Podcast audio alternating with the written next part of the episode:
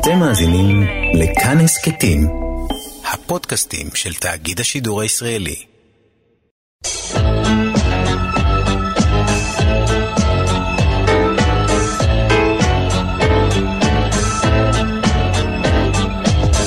גיבור תרבות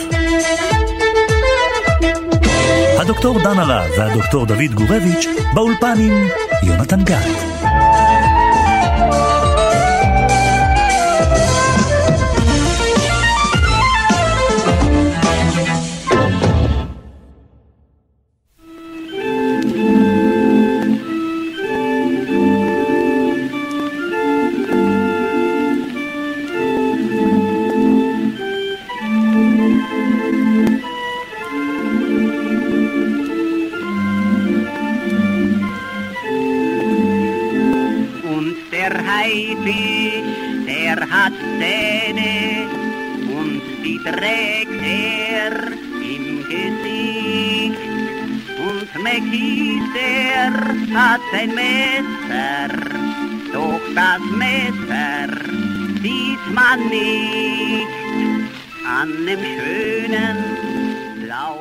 אנחנו שומעים עכשיו את קולו המזמר והצורם של גיבור התרבות שלנו, המחזאי והמשורר ברטולד ברכט. והוא שר כאן ברקע את אחד משיריו המפורסמים, מקי סכינאי, שיר שתורגם לאין ספור שפות, כולל גם אצלנו, לעברית. ואנחנו כאן באולפן נהיה השחקנים במחזה שלו, דוקטור דוד גורביץ', אהלן. אהלן. דוקטור דן הרב. היי, אהלן. ואני יונתן גת, וזאת הפעם הראשונה שאנחנו עוסקים במחזאי בינלאומי בתוכנית, ואך טבעי שברכט יהיה הראשון. באמת קשה להכיל את גודל ההשפעה של מפעלותיו של האיש הזה על עולם המחזאות, השירה והתרבות בכלל. הוא כתב וביים מחזות שמוצגים בכל העולם כבר 80 ו-90 שנה, מאופרה בגרוש, דרך אימא קוראז' ועד מעגל הגיר הקווקזי. ואם אפשר לתמצת את התרומה שלו לעולם התרבות, אז אפשר להגיד שהוא בעצם אבי אבות התיאטרון האכזרי והמאפנט. זה שהציג את העליבות האנושית, את הפתטיות, את הריקבון, את הרשעות, וכל אלה יחד עם צחקוק קברטי מלא שמחת חיים, מה שנקרא הלוויה שמחה על הבמה. והטכניקה הזאת שימשה את ברכט כאינסטרומנט דרמטורגי להעביר אידיאולוגיה ומסרים פוליטיים, ואת המורשת הזאת הוא העביר הלאה, וממנו ינקו גדולי המחזאים בכל העולם, גם אצלנו, ובראשם ניסים אלוני וחנוך לוין כמובן. יש כאלה שיגידו שאי אפשר לדמיין את עולם התיאטרון בלעדיו, יש אחרים שיאמרו שאי אפשר לדמיין את עולם התרבות בלעדיו, יש כאלה שיגידו שאי אפשר לדמיין את המאה האחרונה בלי ברטולד ברכט, נדמה לי שאתה אמרת את זה פעם, דוד. אי אפשר לדמיין את המאה האחרונה בלי ברטולד ברכט, אני לא זוכר שאמרתי את זה, אבל אם אמרתי אמרת, את. זה, אם אמרתי את זה, מן הסתם ידעתי מה אני מדבר. כלומר, אני מאשר את דבריי בדיעבד, למרות שאני לא זוכר אותם.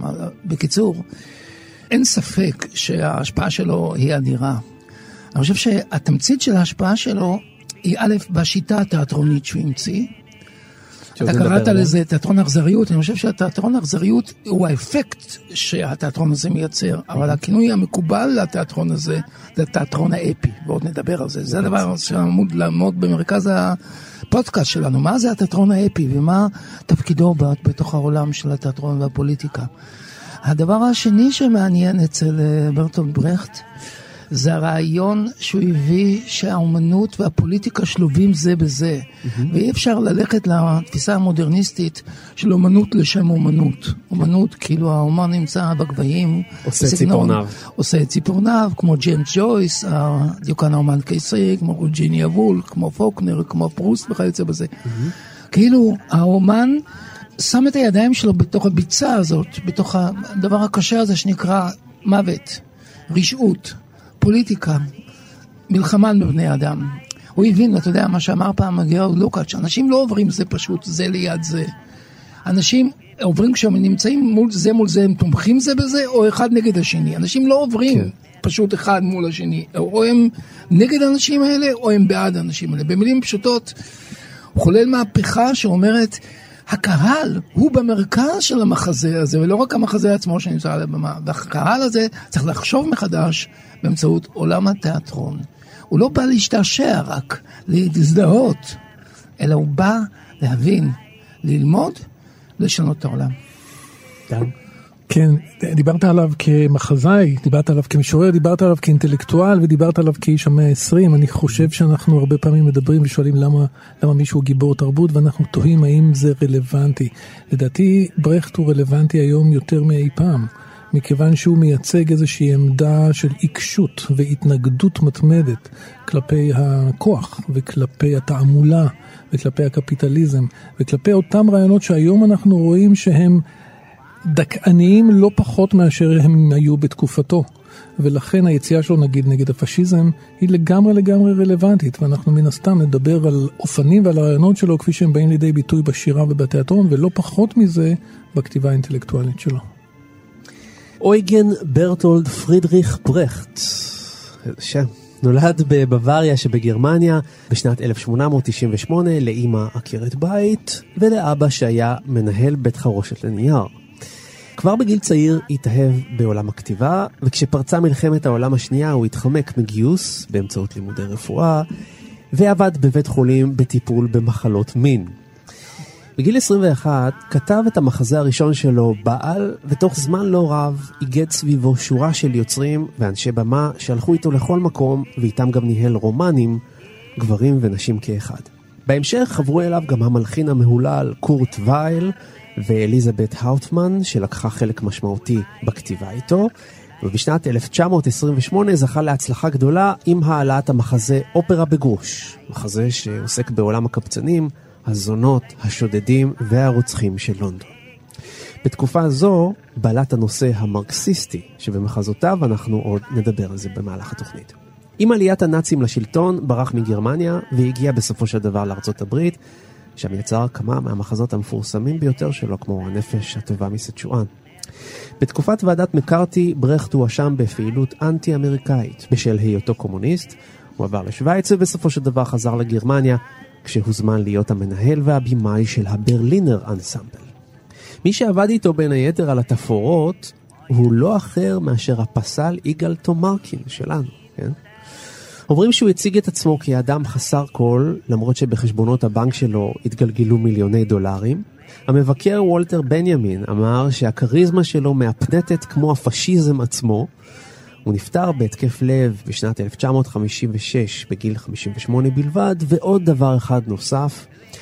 בספרו של ג'ון פיוג'י, חייו ושקריו של ברטוט ברכט, נטען כי כמעט כל עבודותיו נכתבו על ידי אליזבת האופטמן ומרגרטה שטפין שעבדו לצידו. חוקרים אחרים טוענים אחרת, ואת האמת כנראה לא נדע לעולם.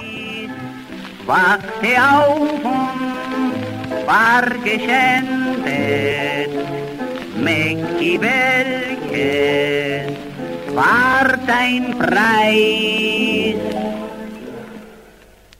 טוב, אז uh, בואו נתחיל בלתאר את אחד המחזות המפורסמים שלו עם הקוראז'. Uh, מחזה אכזרי ביותר. לגמרי. שאפשר, אני חושב, להקיש ממנו על יתר הקטלוג המעניין של... Uh, אפשר. להקיש ממנו, כן, כי הוא אכזרי כמו המחזות האחרים. עם הקוראז', המחזה הזה שבמרכזו אותה, אותה אישה, הקוראז', שנודדת עם העגלה שלה, עם הילדים שלה. אנחנו בכלל נמצאים במאה ה-17, כן? כן. במלחמת 30 השנה. המלחמה הנוראית הזאת. אה, קוראז' היא בעצם איזה סוג של טפילת מלחמה הייתי אומר, זה מישהי שנודדת ומבקשת למכור את מרכולתה, היא נודדת עם העגלה שלה ועם שלושת הילדים. היא מנצלת את אה, המצב הזה, כן, הלחוץ הזה, המלחמתי הזה בשביל להתפרנס. עם מה שאנחנו קוראים גזלן בעצם, סוג של גזלן, מי שהיה בצבא. גם בישראל יש את זה, גם כן, בישראל, כן, תמיד יש גזלן ליד איזה מחנה צבאי, ליד איזה מחנה שעושה אימון או מה שלא יהיה. נכון. והיא בעצם אה, מנצלת את התקופה הזאת של המלחמה. זה, זה הדגש, המלחמה mm-hmm. היא, עושה, היא עושה רווחים מלמלחמה כן. הזאת, אבל סופו של העניין היא שהיא מאבדת את כל, ה, את כל היקר לה, האם זה היה כל היקר לה? כל גם, הילדים גם, שלה במלחמה. כל הילדים שלה הולכים בעצם אה, מחיר בלתי, בלתי נסבל ובלתי נתפס. היא נגררה אחרי המלחמה, היא הפסידה. היא הפסידה את היקר לה בגלל המלחמה, בגלל הילדים האלה שמתו אחד אחר השני.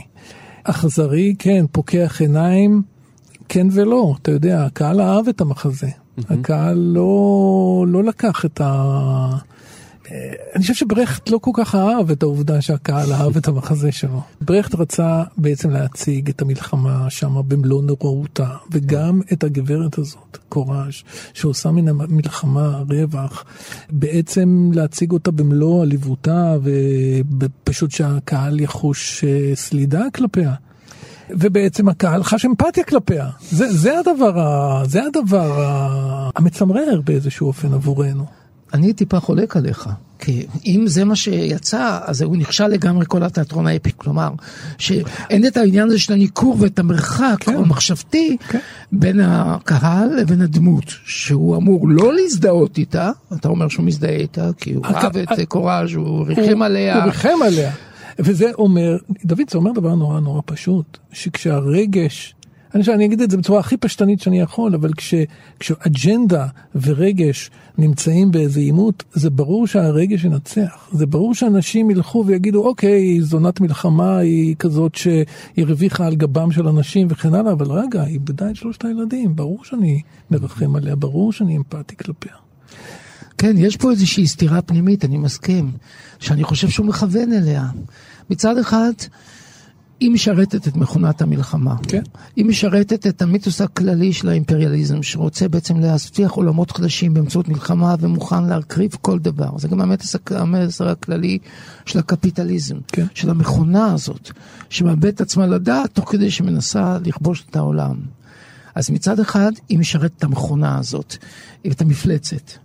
מצד שני, היא כאילו קורבן של המפלצת. אבל ברטולד ברכט רוצה שנחשוב בדיוק על הדיאלקטיקה הזאת שבין היותה מפלצת לבין היותה קורבן, לבין היותה אדם חסר דעת שלא מבין בכלל מה הוא עושה. עכשיו, מי הוא האדם שצריך להבין מה קורה פה? אנחנו, הצופים, פה נכנס המשוואה הגדולה, התיאטרון החדשני של ברכט, והוא הקהל.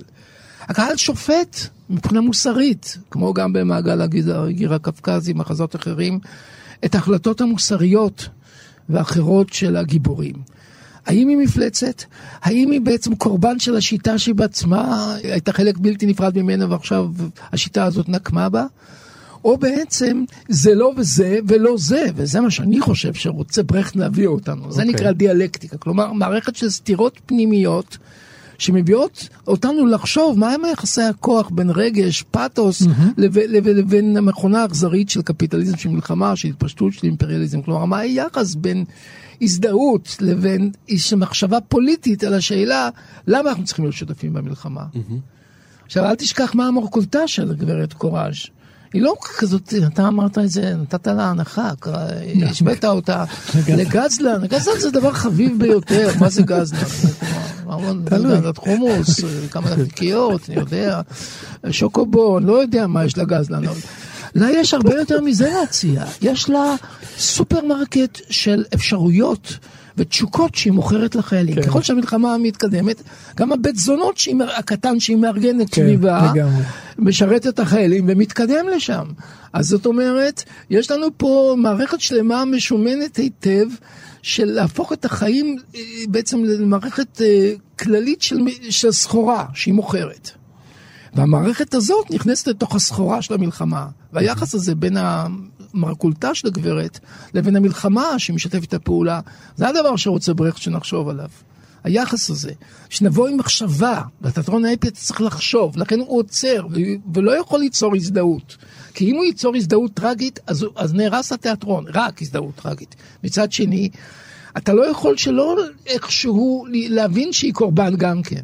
אז על קו התפר הזה אנחנו נמצאים במחשבה הדיאלקטית. זה תיאטרון מורכב, אבל אתה לא צריך לחשוב על כל זה. מספיק שאתה מרגיש את זה בתוך הלב שלך. ואתה אומר, אני לא נגד המלחמה, אני לא רוצה מלחמות יותר, אני יודע מה מביאות מלחמות. וזה כאילו המסר שגם הפועל הפשוט יכול לצאת מהתיאטרון, להגיד לא למלחמה, כן לשלום. קמף um das Eigentum.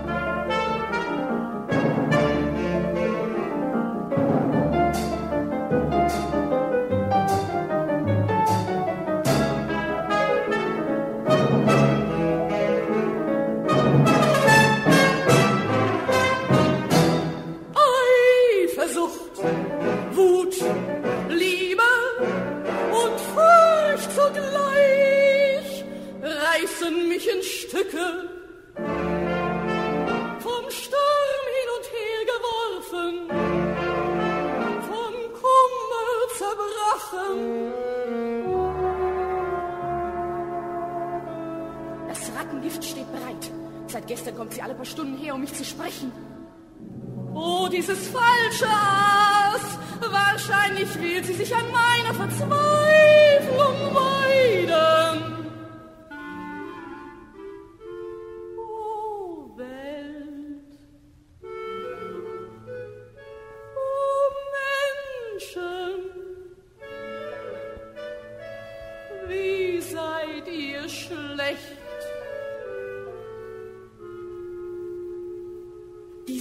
Kennt mich noch nicht. Meinen Gin wird sie nicht trinken, damit sie nachher mit ihrem Mackie lustig sein kann. Sie stirbt durch meinen Gin. Sie stirbt durch meinen Gin. Sie stirbt, sie stirbt, sie stirbt. Ja, hier,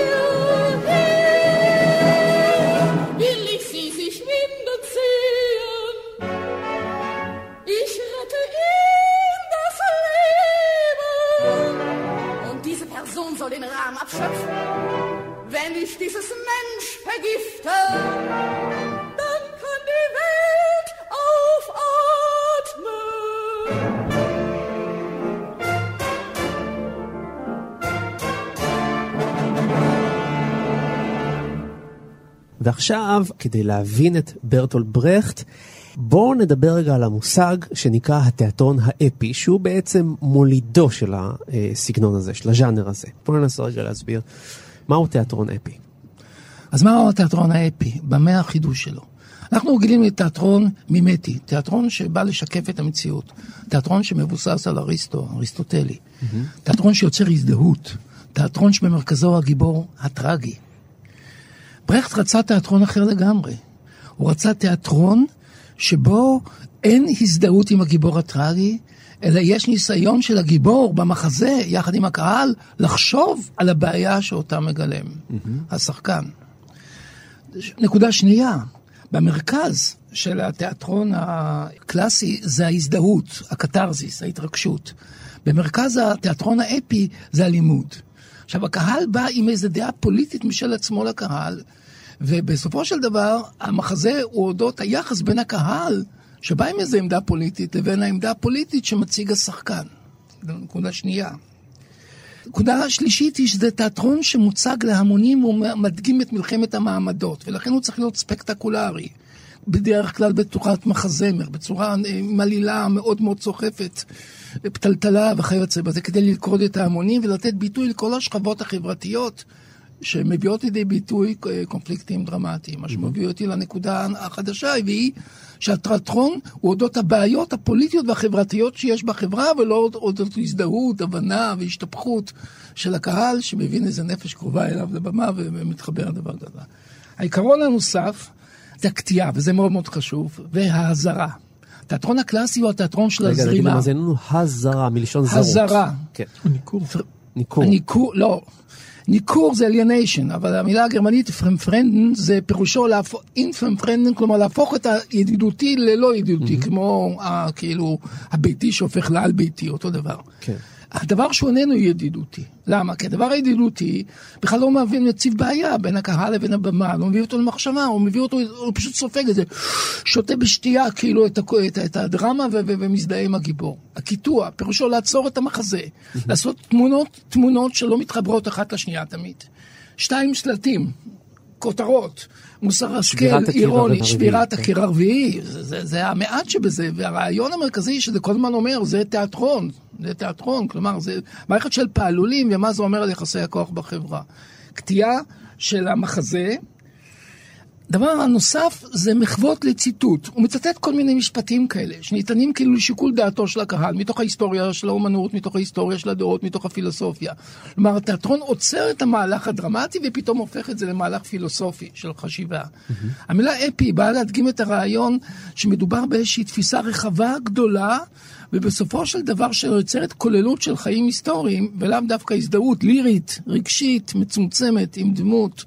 שאיתה אתה הולך עד הסוף. המילה אפי באה מאפוס. מהמילה אפוס, שהוא כמובן ההפך מהמילה ליריקה. התיאטרון הקלאסי הוא התיאטרון הלירי, התיאטרון הזה של כן. הגיבור האחד שמת או חי או צוחק, ואיתו אתה מזדהה, משתפך ואתה יוצא איתו החוצה.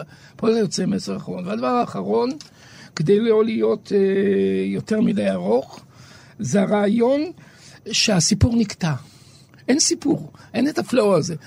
זה בעצם, התיאטרון הוא לא אודות הסיפור, mm-hmm. לא אודות הרצף הדרמטי, אלא התיאטרון אודות מצבים בחיים. כל זה כדי ליצור פוליטיזציה של המציאות. והדבר האחרון, אחרון, באמת, סיכמתי לך בזה את כל התיאטרון האפי, אתה מסכים בשלוש דקות, זה השחקן.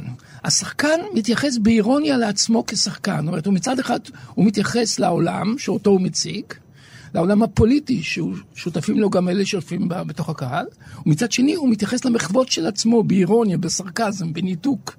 כלומר, מגיב על עצם היותו שחקן. שים לב לאפרט המשוכלל הזה שאותו יצר, והוא ביים את ההצגות, הוא כתב את ההצגות הנפלאות, אני שעוד נדבר עליהן, שמפעילות בעצם את הלוגיקה הזאת, והוא כתב הרבה מאוד אה, כתבים תיאורטיים שמדגימים את הגישה הזאת. מבחינה הזאת היה חושב ומבצע, מבצע וחושב, גם תיאורטיקן גדול וגם משורר ומחזאי גדול שחולל מהפכה. בעצם הוא יצר את כל הזרמים של התיאטרון, שהם בעצם מבקרים את התיאטרון הקלאסי המימטי, התיאטרון של ההמונים שרוצים אה, להזדהות עם הגיבור. הוא רוצה שההמונים יחשבו. Mm-hmm. הוא נותן אמון בהמונים שהם יחשבו, כי נותן להם הצגה שכובשת את ליבם, שמדברת אליהם, שהם יבואו נפעמים מהמחזה, ואולי דרך איזה בדיחה, איזה גסות, איזה שיר זימה. סגנון חנוך לוין, שכמובן למד ממנו, הם יתחילו לחשוב. דרך הקטן, הם יחשבו על הגדול. דרך, הש... דרך הקברט הזה, שזה האופי של ההצגות שלו, קברטיות קטועות, mm-hmm. לא מתחברות, כמו, כמו איזה קולאז' קוביסטי כזה. הוא מביא אנשים לחשוב. עכשיו הוא מביא אנשים לחשוב, הוא מביא אנשים כמו טרנטינו לחשוב, הוא מביא אנשים כמו ז'אנו גודר לחשוב, הוא מביא, אתה ציינת כבר את אה, ניסים אלוני, הביא כמובן את חנוך לוין. ואחרים, כן. וכמובן את מייק ניקוס. תחשוב, אני לא חושב שיש, מי מפחד מווירג'יניה וולף בלי, בלי ברכט, בלי להבין את זה. אתה מבין את זה שפה מדובר במתאגרף, כמו שאהוד ברק היה קורא לו, במשקל כבד. אם אני אנסה לתמצת את מה שאמרת במשפט, אז אפשר להגיד שברכט מציע פיתוי רגשי, אבל בפועל הוא לא רוצה באמת לעשות סחיטה רגשית, אלא לגרום לקהל לחשוב אינטלקטואלית על המעשה ולהסיק מסקנה פוליטית. או כמו שהוא אמר בעצמו, אני לא רוצה, ציטוט, אני לא רוצה שהקהל ישאיר את השכל שלו עם המעיל בכניסה. נכון, אתה, אתה ממש קלט, אני לא יכולתי להגדיר את זה יותר טוב. זאת אומרת, שלא יהיה סחיטה רגשית, שהתיאטרון לא יהיה סחטן של רגשות. אצלנו אתה לא תפרוק את הקתרזיס שלך, אתה תלך עם המסקנות הביתה, הביתה, הביתה בדיוק. בדרך כלל הקהל בא בלי הבעיה, הוא בא עם הבעיה לתיאטרון, הוא מתפרק מהבעיות שלו, הוא מזדהה, הוא יוצר, הוא בוכה, הוא צוחק, צ'אק. ירד לו כל העסק, ירדה המנה, ירד החומוס, תפס את הקפה טורקי, לקח לעצמו איזושהי עוגה, והלך הביתה טוב לב, שמח וטוב. לא. וכאילו התיאטרון פתר לו את בעיות החיים. כן. עכשיו אתה בא לשם, אתה רואה שזה נורא מהנה, וזה נורא מבדר, וזה נורא מצחיק, וזה נורא משעשע, וזה נורא שנון. אבל רגע, רגע, זה על הגיהנום, אתה צוחק על עצמך, אתה בעצם, כשאתה צוחק, נפלת בפח, אתה מבין? אז באיזושהי צורה הוא מרגיש כאילו ירקו לו על הפנים, ומצד שני בידרו אותו ונתנו לו משהו בתמורה. תיאטרון מאוד מניפולטיבי, אבל מניפולטיבי למטרות פוליטיות שרוצות להביא אותך לאיזשהו שינוי עולם, שינוי תודעה וכיוצא בזה.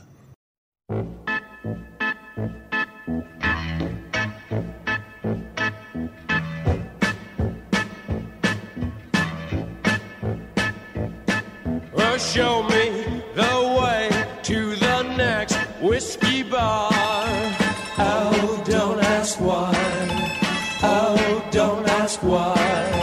Show me the way to the next whiskey bar.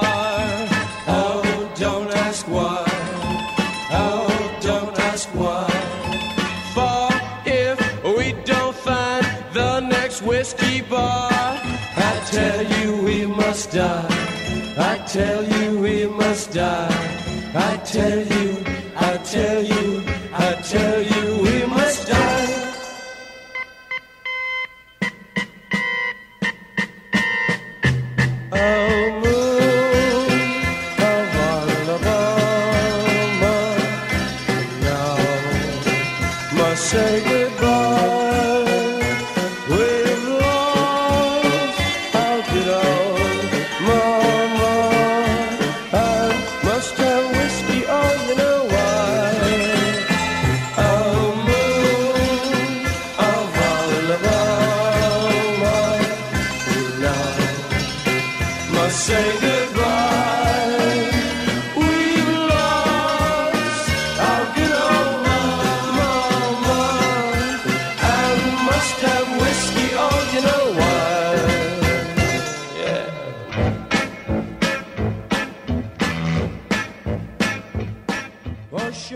ואיתנו המנהל של תיאטרון החאן, ומי שעסק לא מעט במחזות של ברטולד ברכט, ביים את אימא קוראז', מעגל הגיר הקווקזי, שלום לאודי בן משה. שלום רב. ואחד הבימאים האהובים עליי בישראל, מודה, הנה, שמתי את זה כאן על השולחן. תודה. אודי, בוא נראה אם תצליח לתמצת לנו בכמה משפטים איך היית מגדיר את העוצמה המיוחדת של ברטולד ברכט בתיאטרון? מה אם היית צריך להגיד הדבר הכי חזק שלו בחוויה התיאטרונית שלו? וואו. הפלתי עליך. אה, תיק רציני, אני אנסה. כן, אני אנסה, תראה, אולי, אולי אני... קודם כל יש איזו תנופה של סיפור, הוא מספר סיפור אפי ארוך. שנים, סיפור שלוקח שנים, מתגלגל בדרכים, מתחיל מפה, מתחיל מלך, גומר קבצן, אה, הולך, אתה יודע, סיפורים כאלה עם תנופה גדולה, לא, אתה יודע, לא איזה סיפור קטן באיזה סכסוך קטן באיזה, כן. באיזה זה. באמת, עם איזו תנופה גדולה, בתוך זה שירים, בתוך זה סיידים לקהל פתאום, בתוך זה שירה, בתוך זה פרוזה. Mm-hmm. בתור איזה מין תנופת של יצירה באמת אה, בעלת עושר גדול, ובעיקר, בעיקר הוא רוצה לומר משהו כל הזמן, שיהיה ברור שהוא רוצה לומר משהו. כן. זאת אומרת, הוא, הוא ירגש אותך, אותך ואותכם, אבל הוא גם ידאג להגיד משהו. אה, כן, אודי, רציתי לשאול אותך, אתה דיברת על הסיפור, אבל אחת העוצמות הגדולות של ברכט זה לא הפלואו של הסיפור, זה היכולת המדהימה שלו לקטוע את הסיפור. לעשות כל הזמן קטיעה בין מצבים, בין תמונות, על ידי שלטים, על ידי אמירות, על ידי מחוות, על ידי אירוניה פנימית, על ידי הפסקה למחזמר, על ידי רצון לבדר את הקהל. כדי להגיד לאנשים, אין פה סיפור שאתם צריכים להזדהות, או אין פה גיבור טרגי או קומי שאתם צריכים להזדהות, אתם צריכים להתחיל לחשוב על מצבים פוליטיים אפשריים. אז איך אתה רואה את היחס בין הסיפור לקיטוע אצל ברכט? אני, אני יכול להסכים איתך שבעצם אחדות הניגודים יוצרת את, את השלם של ברכט. זאת אומרת, זה לא היה עובד אם לא היה את מה לקטוע. יש שם איזה סיפור סנטימנטלי על אימא שמאבדת את הבנים שלה אחד אחרי השני, לא יעזור לברכט, בסוף הם יבכו. לא יעזור, נוכח כל המאמצים שלו, הוא יקטע את זה, הוא יתנגד לזה, הוא יריב עם זה, הוא יעצור את זה, אבל הוא ידאג שיש לנו סיפור נוגע ללב על אימא אכזרית, נבזית, שמתפרנסת במלחמה, אבל תאבד את הילדים שלה אחד-אחד.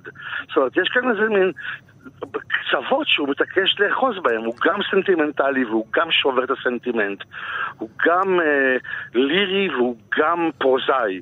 הוא, כמו שאני חושב גם אישיותו הייתה, אתה יודע. הוא היה כן. קומוניסט אה, עם אה, חשבון בנק בשוויץ. הוא היה ביסקסואל. הוא היה, הוא היה המון דברים, גם וגם.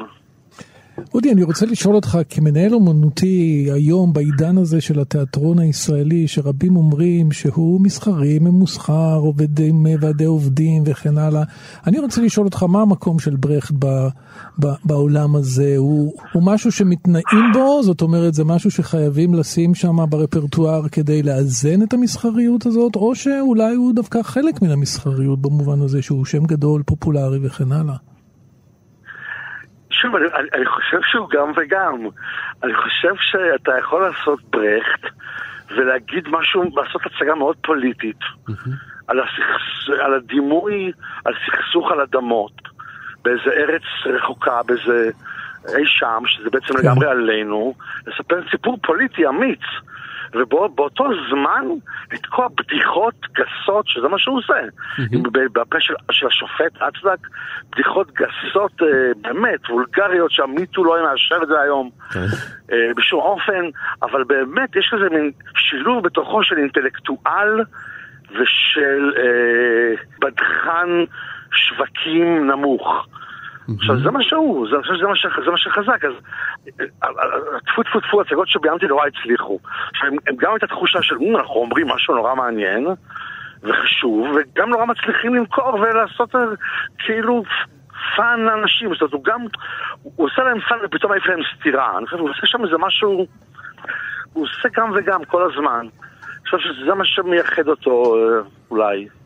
אתה יודע, קראתי כמה ראיונות עם מחזאים ברחבי העולם לגבי ברכט, והם אומרים שתמיד כשהם מתעסקים עם המחזה שלו, הם מרגישים קצת מלוכלכים בכפות הידיים. זאת אומרת, הם מרגישים... באמת? מה כן. זה אומר? איך אתה... מה זה אומר? זאת אומרת ש... הם מרגישים שהם היו צריכים להיכנס קצת לנעליו המסריחות. הוא היה ידוע כבן אדם מאוד בעייתי, מעבר כן. לזה שהוא אה, לא היה מתקלח פיזית, כן, אלא הוא גם כן. היה, אה, טוענים כלפיו שהוא היה רמאי, נוכל, אה, כן, אה, כן, איש בלתי בוגד, נסבל, בוגד, בנשותיו, כן, רשע. גנב של טקסטים, כן, גנב וכאילו, ל- כן, וכאילו אוקיי. בשביל להיכנס לבימוי הצגה כזאת צריך קצת להיכנס לנעליו, אתה גם מרגיש שהתלכלכת? אני חושב שיש בזה משהו מאוד מענג, כן. יש בזה משהו מאוד חושני ומענג בדבר, בלעשות אותו. זה מין יצרי, מין שילוב כזה של משהו יצרי מאוד, ובאמת מלוכלך, אבל בו זמנית של משורר. באמת, מין, משורר הזוועות, או משורר... ה- במובן הזה, זה כן, אני מסכים שיש בזה משהו מאוד מענג להתלכלך ולעשות אותו. אה, אגב, הלכלוך הוא אה, דבר מושך מאוד, הוא באמת עניין אירוטי. כלומר, כן. עצם הרעיון הזה, זה גם האנשים שהוא מאכלס בתוכם. חלק הרי הם אנשים נכון. פשוטי עם כאלה, מסריחים, איכרים, אימא כזאת שמטלטלת בדרכים, מתי היא כבר יכולה כן. להתרחץ עם הקורש? כן. מתי, מתי החייל פעם אחרונה התרחץ כשהוא רץ למלחמה אל מותו? שאלות נכון. רציניות נשאלות כאשר קושרים בין מוות לבין נכון. לכלוך בכלל. אבל הקהל הישראלי כן אוהב את החיבור הזה בין השירה לבין כן. ההשפתות. אני חושב שזה לגמרי, לגמרי בשבילנו. למה? זה לגמרי פה. לדעתך, למה? למה זה אנחנו עובד קצת אצלנו? כאלה, אנחנו קצת כאלה, אנחנו, אנחנו, אנחנו לא, לא אירופאים כאלה מעונבים באמת. אנחנו יכולים להתחפש לרגע כזה, אבל ש- שנייה תגרד אותנו, אנחנו... יאללה, תעוף לי מהפרצוף. אתה יודע, אנחנו, אנחנו, אנחנו אנשים אה, חמים, בוא נקרא לזה. אה, ואנחנו גם שילוב כזה של חום ופיוט, אני חושב, שזה יפה בנו. אפשר לומר, אנחנו גם כאלה וול- יכולים להיות וולגריים וגם, וגם משוררים כאלה, ומתפייטים כאלה, ומלאי פאתוס. אני חושב שיש משהו שהוא, שהוא, שבמובן הזה אנחנו לת- לרוח שלו.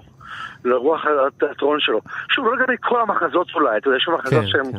למדניים כאלה יותר, נכון. שהם יותר, שפחות, שהסיפור שם יותר, הניכור יותר מבוטל לעצמו, וזה קצת, כן. בעיניי גם קצת מעייף, אבל גם, וגם את הקהל הישראלי זה יעייף, כן, כן. לפחות. אבל ב- ב- בשלושת הגדולים, לפחות, יש איזה, ואולי ביותר מהם, אה, יש איזה משהו ש... ש- שהקהל הישראלי מאוד מוצא את עצמו. כן, זה מעניין. אה, התיאטרון של ברכט מוגדר תיאטרון האפי. דיברנו על האפיקה שלו.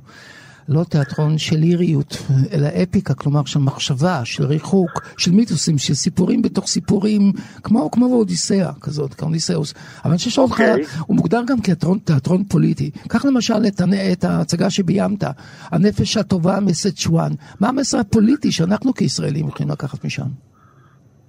תראה, אספר לך דווקא סיפור ברשותך על מעגל הגיל הקפקזי.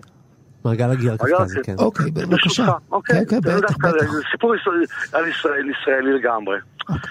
המעגל הקפקזי, הוא כתב אותו בסוף מלחמת העולם השנייה, הוא פותח אותו בסיפור, למי שלא יודע, הוא פותח אותו באמת באיזשהו נקודת זמן ב-1945, סוף המלחמה, יש איזשהו כפר שם, באי שם ב...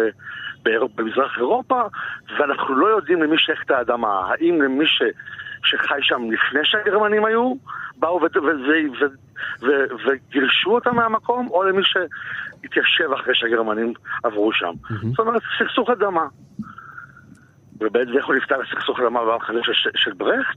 התינוק, יש איזה משפט שלמה, מושכים את התינוק, התינוק הוא הדימוי לאדמה, שלמי שייך את האדמה הזאת, למי שייך התינוק הזה, ואצדק השופט כמו שלמה, שלמה- במשפט יאמר, שייך למי שתוותר עליו בשביל חייו. בסוף. ברכט הקומוניסט, השמאלני, ההומ... ההומניסט, בסוף ההצגה אה, נותן בפי השחקנים שיר שאומר יהי הכל שייך למי שמיטיב איתו. האדמה למי ש... שיחרוש אותה, הפרה למי שיאכיל אותה. ואני רוצה לספר לך, אתה מצפה, כזה מין, כזה מין קומוניסט, שמאלני, הומניסט, לא יצא מגבולות תל אביב, ההצגה שלו. ההצגה הזאת פתחה את אולם אריאל. זה היכל התרבות החדש של אריאל. עכשיו, איך הם הגיבו, איך הם הגיבו באמת, המתיישבים האלה? ב standing ovation. וואו. כי השיר הזה הוא עליהם. נכון. מה זאת אומרת, הוא על- עליהם, הוא עלינו. מה זאת אומרת? אנחנו, מישהו, מי- השקה את האדמה? מי גידל אותה? מי עשה את האדמה שלנו? זאת אומרת, האיש הזה, בעצם, תראה איך- הוא גם וגם. איך הוא, איך הוא מצליח להיות גם וגם. ובעיניי, לכן הוא, הוא אנושי, והוא, והוא יהיה, יישאר פה לתמיד. כי הוא לא באמת מצליח להיות חד משמעי וחד צדדי ורק רק של איזה מחנה אחד, אלא הוא בן אדם. וכל אחד יצליח למצוא, בסופו של דבר כל, הר- הרבה אנשים שונים הצליחו למצוא את עצמם. גם אוהבי הנמוך ואוהבי הגבוה, גם אוהבי האפי ואוהבי הלירי. וגם אוהב- אוהבי השלום וגם אוהבי האדמה. אודי בן משה, המנהל האומנותי של תיאטרון החאן, אנחנו מצפים ממך לעוד גרסאות של אה, ברטול ברכט, אפילו שאתה עסוק. הלוואי. אנחנו. ניסע לירושלים לצפות, אתה רק צריך אה, להודיע שזה. קורה ואנחנו באים. טוב, תודה רבה אודי. תודה אודי. תודה לכם. רבה. ביי. ביי.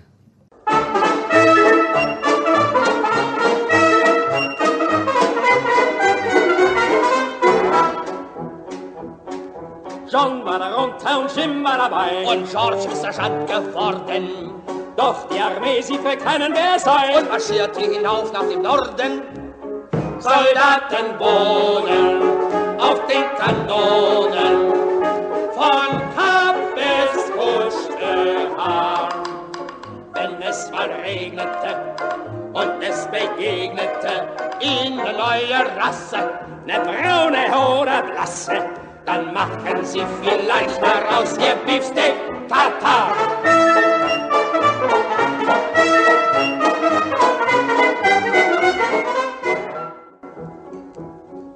Johnny war der Whisky zu warm. Und Jimmy hatte nie genug Decken Aber Georgina beide beim Arm. und sagte, die Armee kann nicht verrecken. Soldaten wohnen Auf den Kanonen von bis Kuschelhar.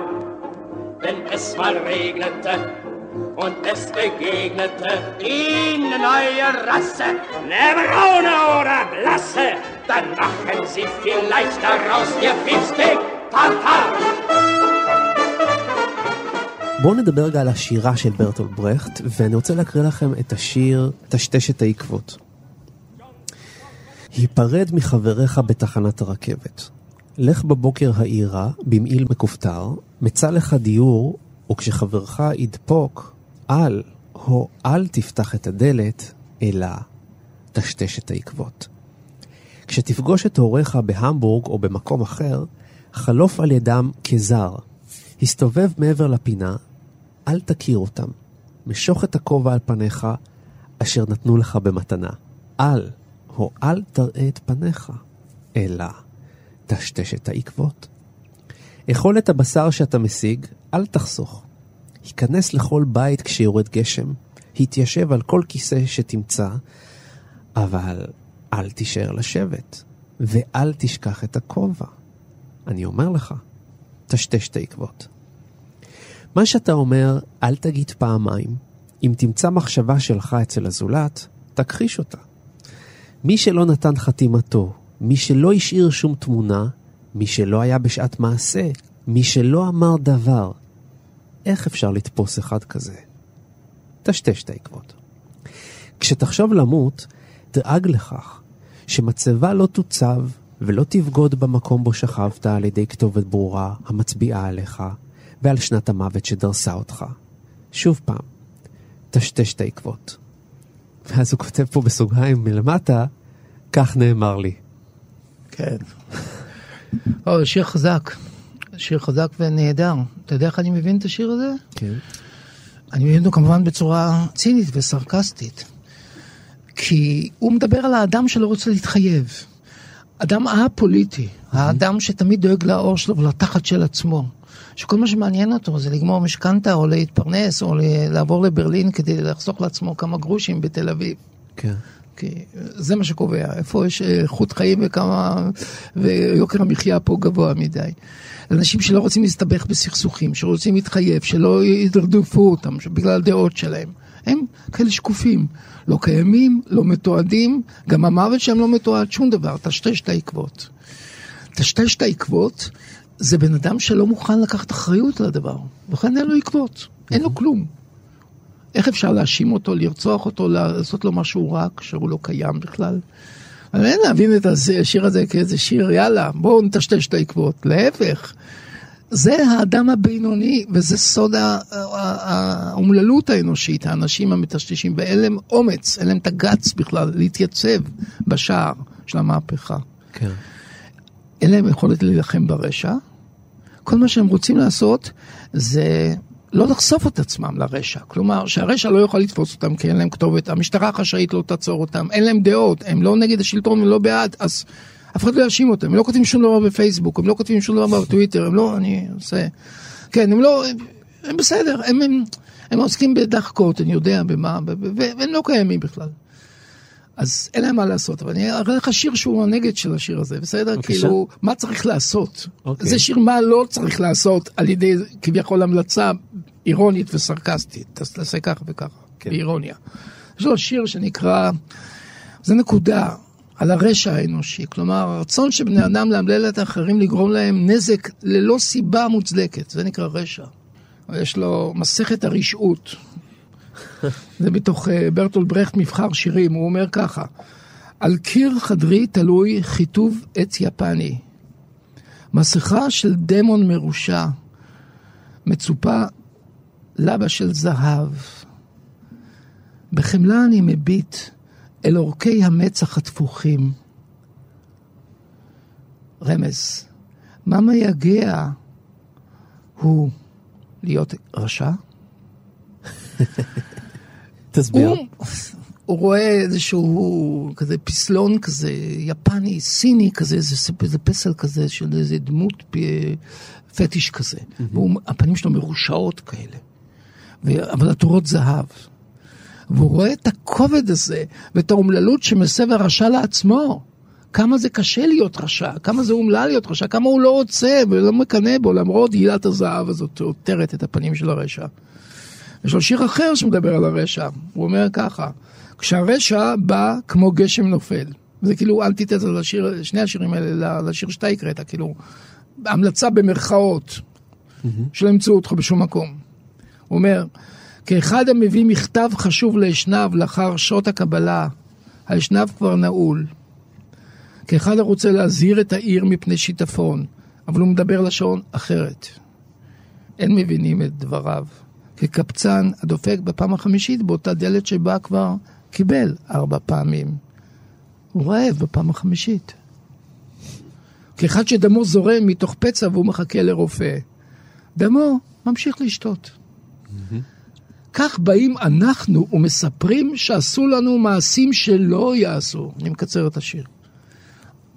צריך לספר את המעשים שלא יעשו, צריך להסתכל על ההיסטוריה וללמוד ממנו. התיאטרון האפי הזה שדיברנו עליו, נועד בעצם להמחיש ולעורר את הקהל לעשות מעשה, ולא לטשטש רק את העקבות, אלא לראות שהרשע אין לו יוקרה. כמו שהוא אמר בשיר הקודם, אני מרחם על הבודה הזה, הטור הזהב והמרושע הזה, הפסלון הזה. אתה לא יכול לא להתייצב לצד, אלא להתייצב לצד האומללים החלשים. אתה שומע גם את השקפת העולם המרקסיסטית שלו, אבל אתה גם שומע את ההומניזם שלו. החוכמה היא לא להתייצב לצד החזקים. זה עושים אנשים חסרי דעת, שלא רוצים לשנות שום דבר בחברה. הם, הם בסך הכל, כשהם אומללים, הם רוצים להיות מאושרים ועשירים, כמו אלה שחושבים שהם מאושרים כי כבר עשו את הכסף שלהם. אבל אלה לא אנשים שמשנים את העולם, אלא רק בעצם משכפלים אותו. הוא לא רוצה להיות שם. איזה לא, הנחה, כן, דן. כן, כן. לא, זה נוקב, דוד נוקב היום, הוא פשוט ממשיך את ברכט באופן ישיר.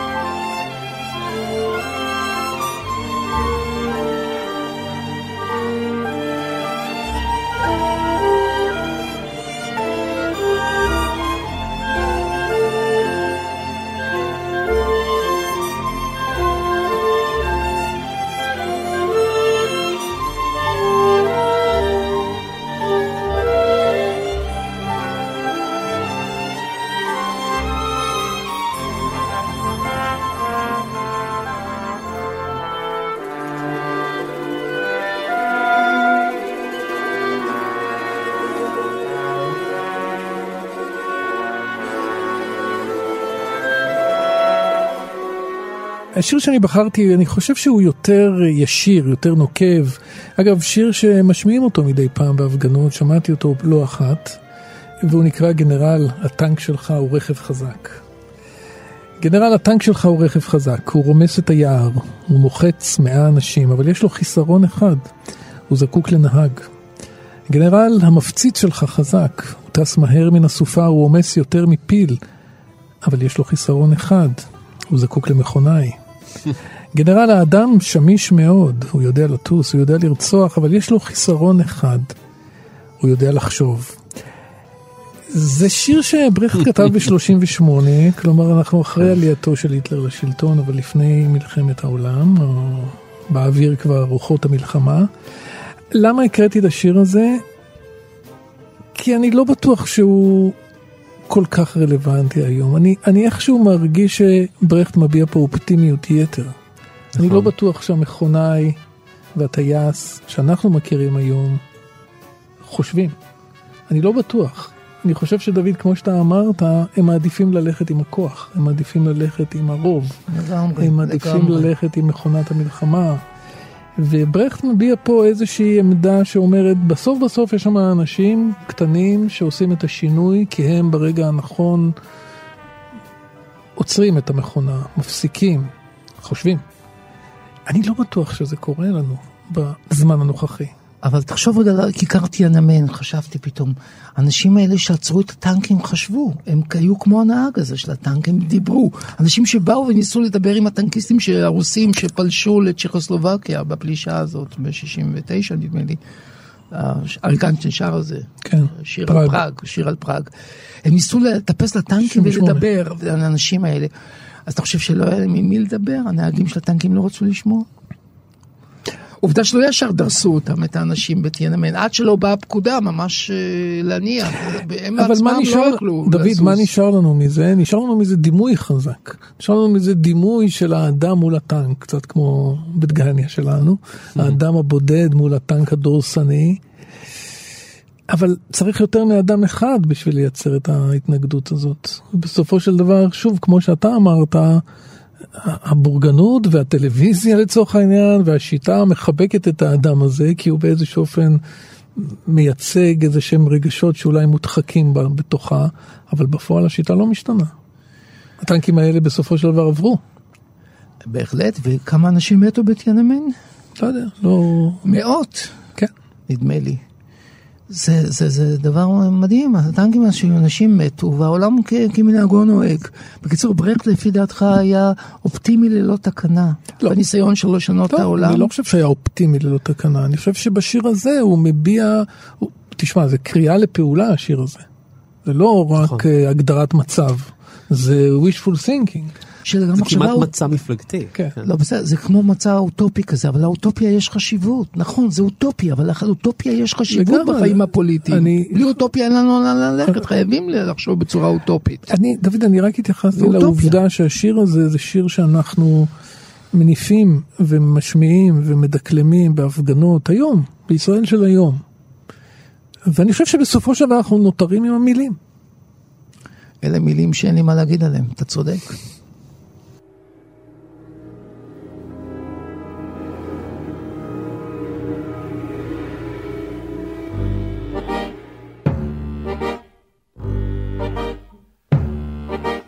Gentlemen who think you have a mission to purge us of the seven deadly sins should first sort out the basic food position, then start your preaching. That's where it begins. Your lot who preach restraint and watch your waist as well should run for once the way the world is run. However much you twist, or whatever lies that you tell, food is the first thing. Morals follow on. So first make sure that those who are now starving get proper helpings. When we all start carving. אנחנו כל פעם מדברים על אה, גיבור התרבות שלנו, ומזכירים שגיבורים אה, לא חייבים להיות בעלי אה, עמדה מוסרית גבוהה, אלא כאלה שבאמת השפיעו על התרבות, זכו לבולטות תקשורתית והדהדו את עצמם לאורך השנים. במקרה של ברטול ברכט, אין ספור של תיאורים וביוגרפיות ודוקומנטרים נוצרו עליו ותיארו אותו כאדם נוראי, אדם מרושע, רמאי, בוגדני, מסריח, לא מתקלח. אנטישמי. אנטישמי, ואיכשהו זה מתחבר פנטסטי עם היצירה שלו. זה לא שהוא היה אדם אנמי והיצירה שלו הייתה סוערת. כמו שראינו אגב בגיבורים אחרים, קוקו שנל, היו לה חיים סוערים והבגדים שלה היו מאוד מכופתרים, מכופתרים ורגועים כן. לעומת מה שהיא עברה. פה במקרה הזה הם שניהם ביחד חופפים אחד לשני, האיש ויצירתו. זה נכון, אבל תן לי לתת לך נקודת מבט נוספת על מה שאמרת, שזה מעניין. תראה, מה יישאר בסופו של דבר מברטולד ברכט? הסיפורים כמה מנוול? בסדר, כולם מנוולים. סטנלי קובריק לא היה אחד המנוולים הגדולים ביותר, ואחד האנשים הנוראים ביותר בין במאי הקולנוע של המאה ה-20, ועדיין הוא הגאון הגדול של הקולנוע. אותו דבר, אני אתן לך את ברגמן שאתה אוהב אותו. כן. איש נוראי בכל מקרה. אינגמר ברגמן. אינגמר ברגמן, עם ללא ספק עשרות אנשים, אם לא מאות אנשים. היה שליט כל יכול, ומין מזג אוויר כזה שאנשים פחדו ממנו כמו שפחדו מפני ברק, והוא עשה המון רוע לאנשים. ועדיין זה אינגמר ברגמן, של, של החותם השביעי, של... של ציטוטי בר וכיוצא בזה. דוסטויבסקי, כלומר, אני בשום פנים ואופן, אי אפשר למדוד את היצירה של האדם ואת ההשפעה הפוליטית שלו על פי הביוגרפיה שלו. כלומר, אנחנו לא עוסקים עכשיו במה שנקרא ביוגרפיית נוסח חנה בבלי. כלומר, ברור. ביוגרפיות מחונכות, דידקטיות, של אנשים כן. טובים.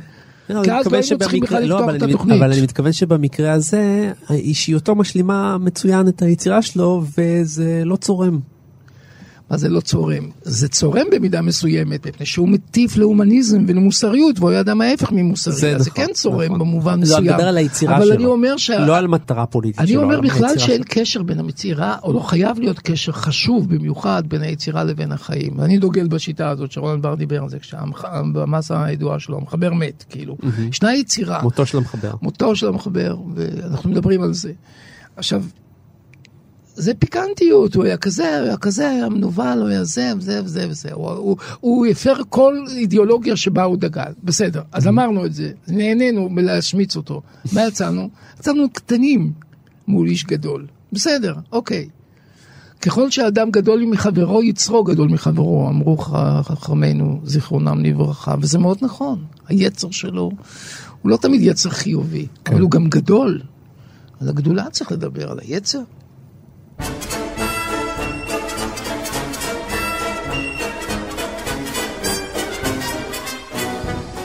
סיימנו, אבל זה... דוד, היום אתה באלמנט שלך. לגמרי. אה, סיימנו, אבל אה, זה לא הכל, כי לגיבור תרבות יש עוד הרבה מאוד תוכניות שהקלטנו ושידרנו, וביניהן על שני המחזאים שללא ספק הושפעו מברכט, ניסים אלוני וחנוך לוין, שני המחזאים הישראלים המצוינים. וכמובן על עוד גיבורי תרבות ממגוון תחומים שונים ומגוונים. אתם יכולים למצוא את כולם בתוך האפליקציה שלנו שנקראת פשוט כאן. נכנסים ללשונית הפודקאסטים ובגיבור תרבות כל התוכניות יעמדו לרשותכם.